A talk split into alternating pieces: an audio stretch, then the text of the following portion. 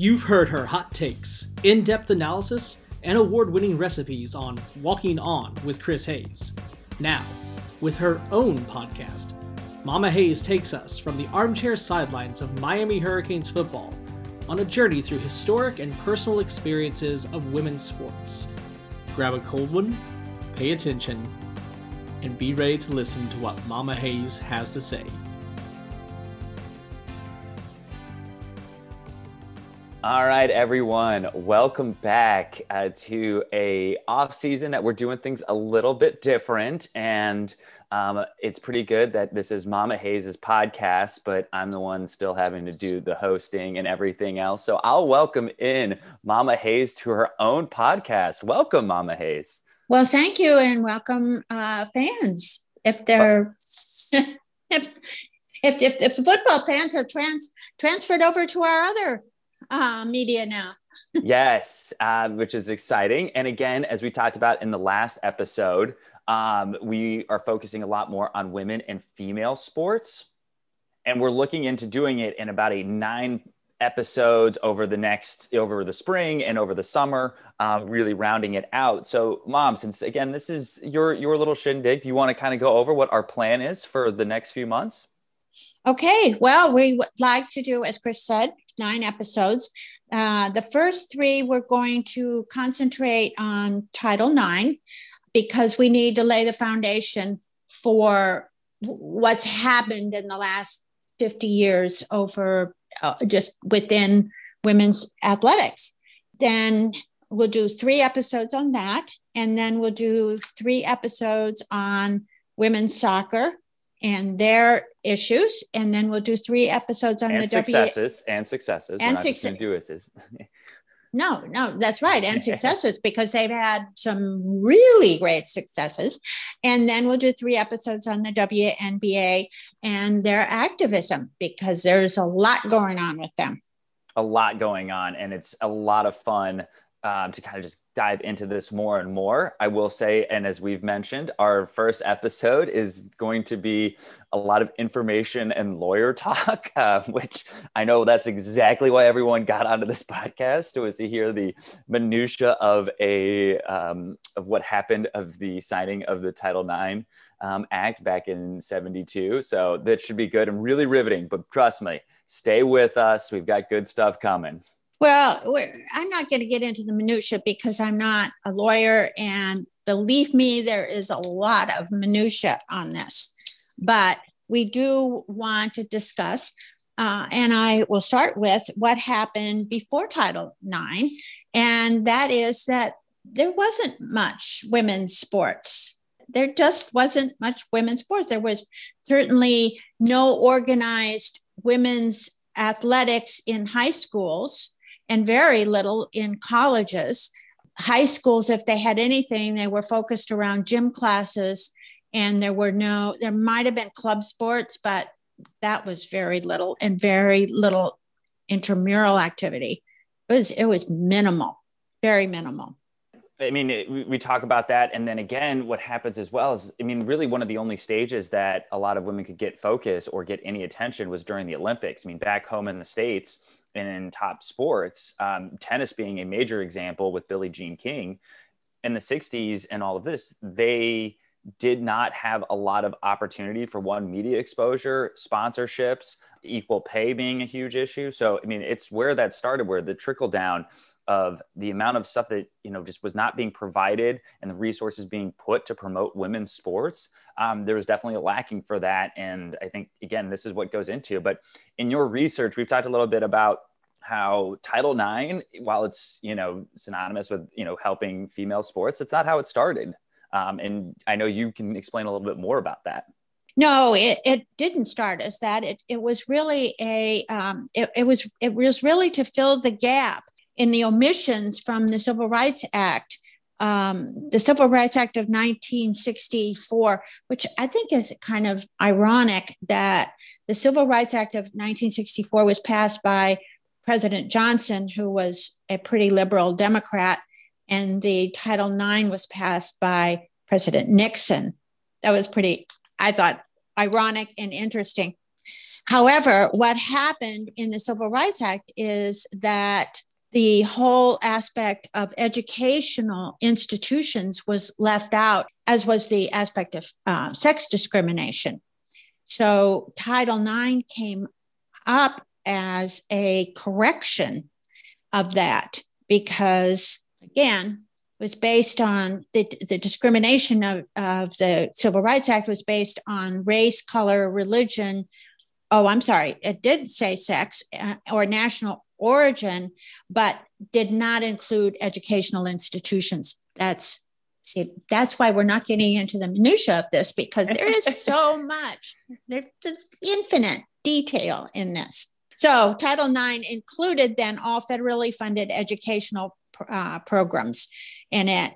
It became the anti-discrimination law covering educational programs, federally funded educational programs and, and that's where you see a lot more later and we'll get into this as we keep going more of the impact down the road with sports um, between men and women in an educational uh, institution sense. Again, Title IX did not impact, as I was kind of alluding to professional athletes, it did not impact that.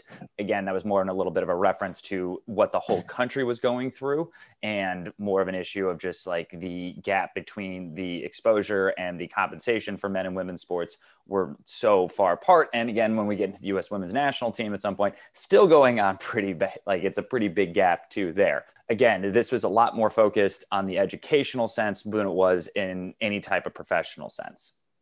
That's a great point. That's so important.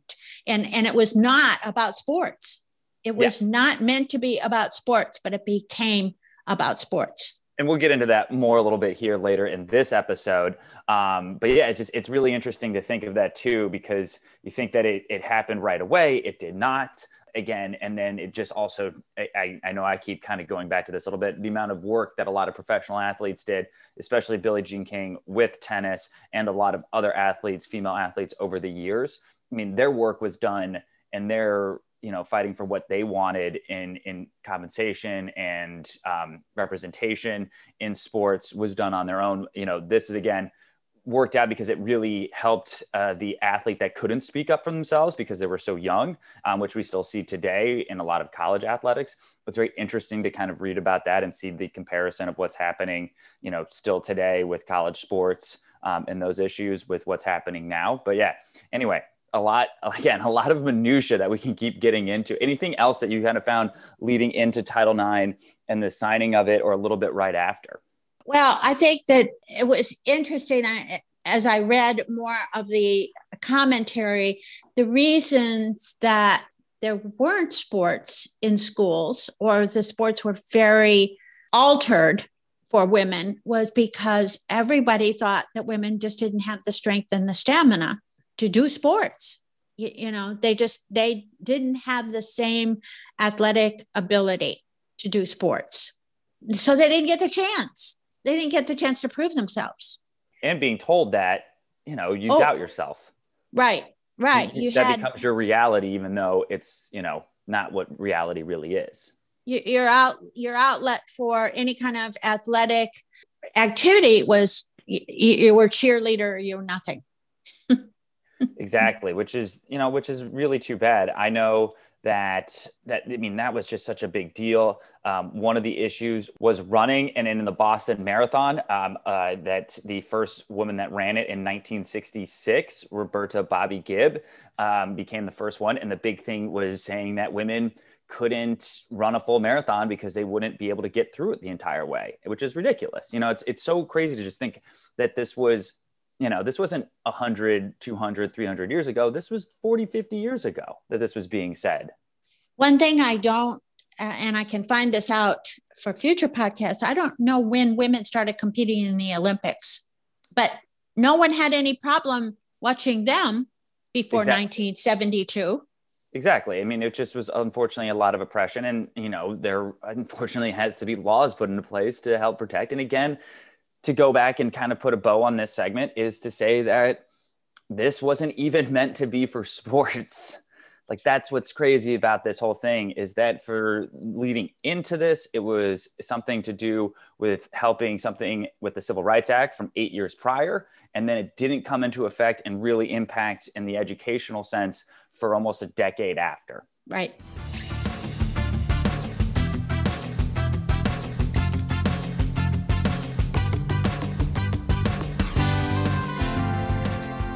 So, as part of my research, I talked to many of my peers. And so I'm talking about people who were in high school in the six, 60s, 50s, 60s, in that range. It was so interesting. Almost everybody had the same experience. But uh, first of all, I want to go back to something we touched on the last in the last podcast. I had forgotten all the rules of how my classmates played basketball. I told you that there were three on three team members on each side of the court and they couldn't cross midline or mid court. But yeah. I had forgotten that each player could only dribble twice before they passed the ball. I mean, I know why I didn't play basketball, but when I think back on it, I think perhaps I wouldn't have played basketball because I can't, I just can't imagine that kind of a stilted activity. It's just such a change from the game. I mean, we see it still in a lot of sports here where a lot of the game have been changed and and that's another topic for another time but it, it is interesting that some of these sports kind of finally came back together where obviously women the women's game is similar to the men's game now with all the same rules but you look at other sports like lacrosse there's women's lacrosse rules women's lacrosse rules you know there's baseball and then there's softball. And so you know it's interesting how you're talking about it where some sports came back together and ended up with the same rules while others continued to diverge. So one diverge. Whoops. Di- whoa. Keep going so, mom so the, the the constant was that uh, other than gym classes, cheerleading and uh, marching band, you just didn't have women who were in school in at my at, in my era who had any kind of opportunities for sports. I will say, with the exception of two of my friends who were from the Northeast, one from Philadelphia, one from New York, played field hockey and they played it sounded like as club teams club sport type things. And now most of these ladies not all of them maybe a little over half went on to play some sort of a sport in their adult life. As like i played tennis um, a couple of them played golf. Uh, one became a skier and she was competitive at a lower level. And they did make sports part of their adult life. The one, the other constant was that everybody said that they watched Olympics. That when I asked them about, do you watch women's sporting events. They all said well we you know we can't wait to watch the olympics. And many of them said we remember when the olympics all of the olympics every last minute of them were televised somewhere for two weeks solid 24 hours a day you could watch olympics live. And and you look forward to it. Uh, but they those that continue to watch women's sports at all generally are watching those that they themselves played. Yeah. As Which, adults. I mean, I think is is reasonable. I think a lot of people do that anyway. Um, just they gravitate towards a sport that they like or they know because again, it's something familiar. It's the same way that you and I have taken a long time to get into soccer because I didn't play soccer. Really, you didn't play soccer, so we don't really have that same pull. So that makes sense. Um, I do have like I have one takeaway, and then I have one question for you from what you've been talking about it, and again, you you know, as you talked about last time too in these episodes, uh, the Olympics were only happening every four years, summer and winter. So right. The only time, and this goes a little bit like we talked about already, was you know the the chance for women to to to display their athleticism was happening only every four years. Right. And you know was getting on that national stage the world stage. And that's you know that's pretty crazy to think. We're used to it now where it's you know every two years you see it you know which is still a long time. I mean i'm just talking in the olympic sense. Obviously there's a lot more opportunities and a lot more out there for coverage. But you know back then of the 50s 60s and 70s that you're talking about it's every four years until they finally started switching it up every two years which is pretty pretty remarkable to think about that that's the only chance and you know one of the reasons probably they were glued to the TV? I mean, I think that's a good question to kind of go back and see. All right, in between the Olympics, what would you watch for women's sports? Was there anything to watch? Um, I think that's a good question to take back. A question for you. So you talk about playing in tennis and a little bit of background, to, and I know that you're going to be a little bit embarrassed by this, but you always say that you're not an athlete, and you always say, "Oh, I never wanted to be an athlete." Do you feel because you just weren't afforded an opportunity? I mean, you played tennis you know, I've seen you do stuff. It's amazing when you say you're not an athlete and then you go and you throw a baseball with me still and you can throw it a pretty decent strike still. It's not like you don't know how to throw a baseball.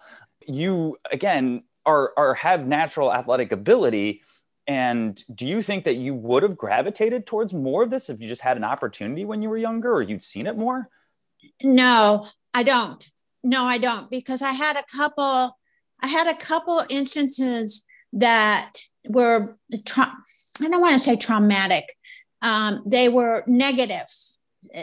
They made a ne- negative impact on me and gave me no self confidence in my athletic ability. And you know, just as some teacher will say something to you like, "Oh, you know, you can't draw," so all of a sudden you think you're not an artist anymore. You know, these had very negative impacts on my perception of myself as an athlete. And, it, and that's fair. And that, and I totally understand that. I mean, that still happens today with a lot of opportunities. Do you think you would have had, because again, if one person says it, it's not like you can then go to another area. Like if you know basketball coach says to you, "Oh, you're not going to be good at basketball," but then you go and you start playing softball, and you're like, "Oh, the softball coach thinks I'm pretty good." I mean, do you do you really not think at all that there was any chance of that to happen? I really don't think so. I think there were just okay. too many too many instances. You know, I was the last kid to be picked when they were picking two teams always. And that was not that was just one of the many things that made negative impressions on my self-confidence and my athletic ability. And it wasn't it wasn't until I started playing tennis that I realized that I could now I didn't have the strength to be a, a really good tennis player, but I was consistent yeah, I mean, there you go. I, am going to try. You know, I'll get off. I'll let you get off the therapy couch here as I keep going. What were you feeling when you got picked last, there, Mom? Let's really dive into those feelings. Are you still feeling those feelings today? I'm kidding. We're not going to go too much into that. um, let's really unpack some things from your childhood now. not a trained therapist or anything like that. Let's maybe I'll stay away from that. But okay, well, so let me let me let me add this. I I do remember um, uh, this was one of the most positive things that I remember. Um, the year of the bicentennial. No, yes, bicentennial. For the there, United States. for the right, yes, for the back in 1977, 70, whatever it was. That could have been it, right? Keep going. the, the, I was playing tennis with a group of people. It, you know, it's like a family reunion type thing, and there were a lot of people who were, I would say, in the 10 year younger than me group that were very athletic. And so we spent the day playing tennis. And by golly, I beat them. There you go. I think I think you just missed again. If Title IX was around, you had this. We've been talking about you being a great athlete. That's what I was going for. That so. could be. That could very well be.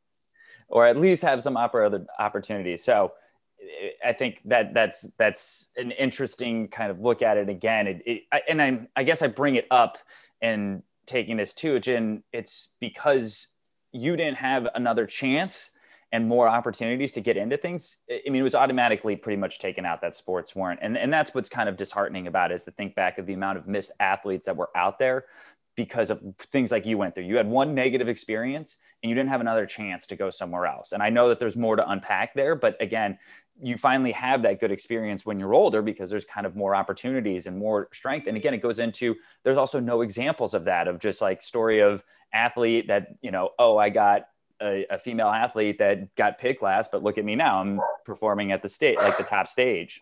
Hi, Maisie. I know you have some thoughts on it too. Uh, it could be the garbage man. All right. So it's the garbage man. All right. I think Maisie's going to close out this segment and we'll get back yes. to you on the next one.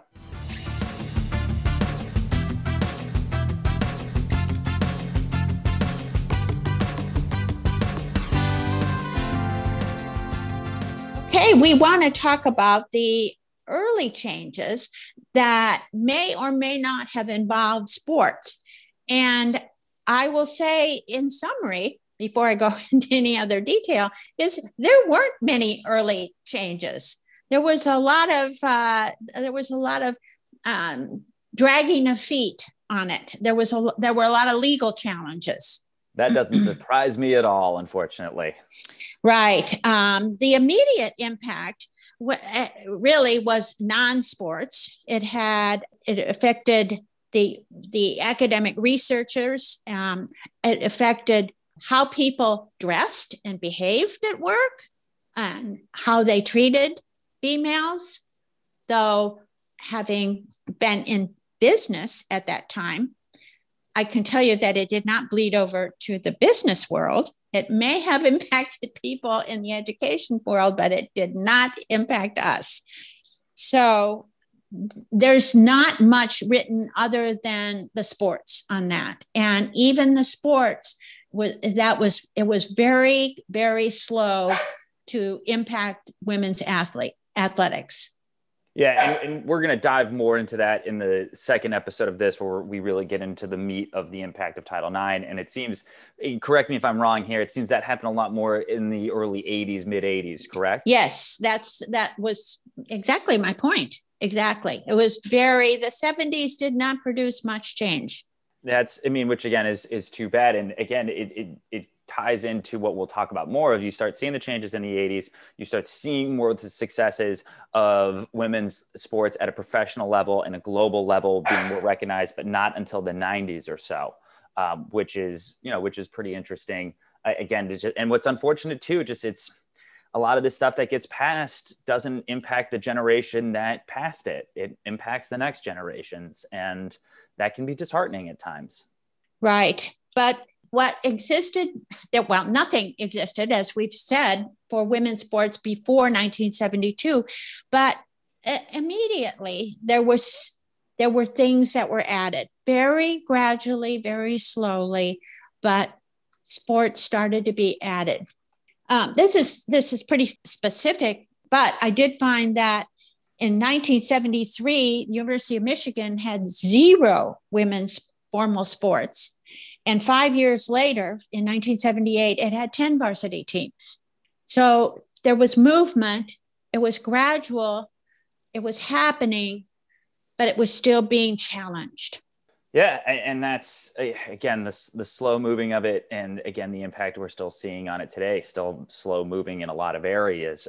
It's one that thank goodness it got passed because it, it's definitely helped the United States get somewhat of a better footing and catch up in the sense of uh, being able to give female athletes a better opportunity when they're younger um, to start playing sports, to start getting out there, to talk about the confidence that you know we're saying that happened in you in the last segment of okay, this didn't work out, but at least I can go try this. What else can I do that males were afforded? You know, if it didn't work out playing baseball, you could go try football. Football didn't work out, then basketball, then tennis, and you know, just goes down the list where it, it wasn't. And again I mean, that's probably why you're finally seeing some more athletes. And again, the confidence that goes into it. You know, we talk about sports just being that confidence uh, booster for so many people, and how even if you're not going to be the best athlete ever and your career might end in middle school or high school, just those experiences help build you. And it was really lost for a lot of women for many, many years, uh, while the men were getting that same. Uh, unfortunately, we're not. We're getting. We're not getting this. Sorry, excuse me. Women were not getting the same opportunities that the men were. I don't know why there's so much information. Well, not so much, but I found this information on Virginia schools in the 70s. But uh, here's some statistics. In 1974, Old Dominion was the first college in Virginia to offer athletic scholarships to women. Wow. That was 1974. In 1976, that was the first year that Virginia Tech offered varsity sports for women. Okay. So, in this, just to repeat, I don't mean to be redundant, but it was slow. it was slow, but it was happening. Yes, it, it was. And again, um, you know, we, we jump more into the impact of it and seeing the real changes that come around in the 80s. And so next next episode. But next anyway, we got through the minutia. We got through a lot of very specific detail through this one. I know uh, wasn't the most lively a podcast. Maisie did her best to help brighten it up some and uh, bring some energy and some juice to us here. So we appreciate that always, Maisie. All right, mom. Um, we're getting out of here on this one, but we got two more parts on Title IX coming up, and like you said, we'll have um, a, another uh, six episodes after those two uh, to round out with a nice nine and 10 for this total thing. So it's been a lot of fun. Um, I'm going to put you on the spot. I know you've been a little nervous, but you've done awesome, uh, you know, with the amount of information that you have shared. So uh, if you're listening right now, give mom a round of applause. So everybody clap it up a little bit. So there you go. I, I know you can feel those claps every time that they happen. Um, but anyway, again, a lot of a lot of great stuff, and again, a lot of the foundation of what comes in and you know creating into the women's sports and, and the women's sports. I wouldn't say boom is not the right thing, but I mean, I guess it was a boom if you start from zero, and at least we are where we are now. So, all right. Well, we have a lot more to cover, and it'll be a lot more interesting as the years go by. That's and for sure. We're and we're not there yet, even in ni- in not 19. Oh my gosh, in 2021. yes, not even 2019 anymore. I can see you kind of just skipped over 2020, where this is this is interesting, building the foundation and going forward um, from this, and at least taking a look and diving in. Anyway, mom. All right, we got to get out of here. We obviously don't break it down like we usually do. So, no so I, I think uh, I think it's a thank you all for listening to another episode of Walking On with Chris Hayes. That's not Walking On with Chris Hayes, but like talking. We'll stick with Talking Nine with Mama Hayes for now, and we're still workshopping titles and all of that. So at least these three episodes are Talking Nine with Mama Hayes. Thanks for listening to us through another episode of Title Nine with Mama Hayes. Perfect. We're going to keep working. It's like the breaking it down. You know, I think that's our bit. At the end of the season, we always figure out what we're going to finally say to close these things out. Love you all.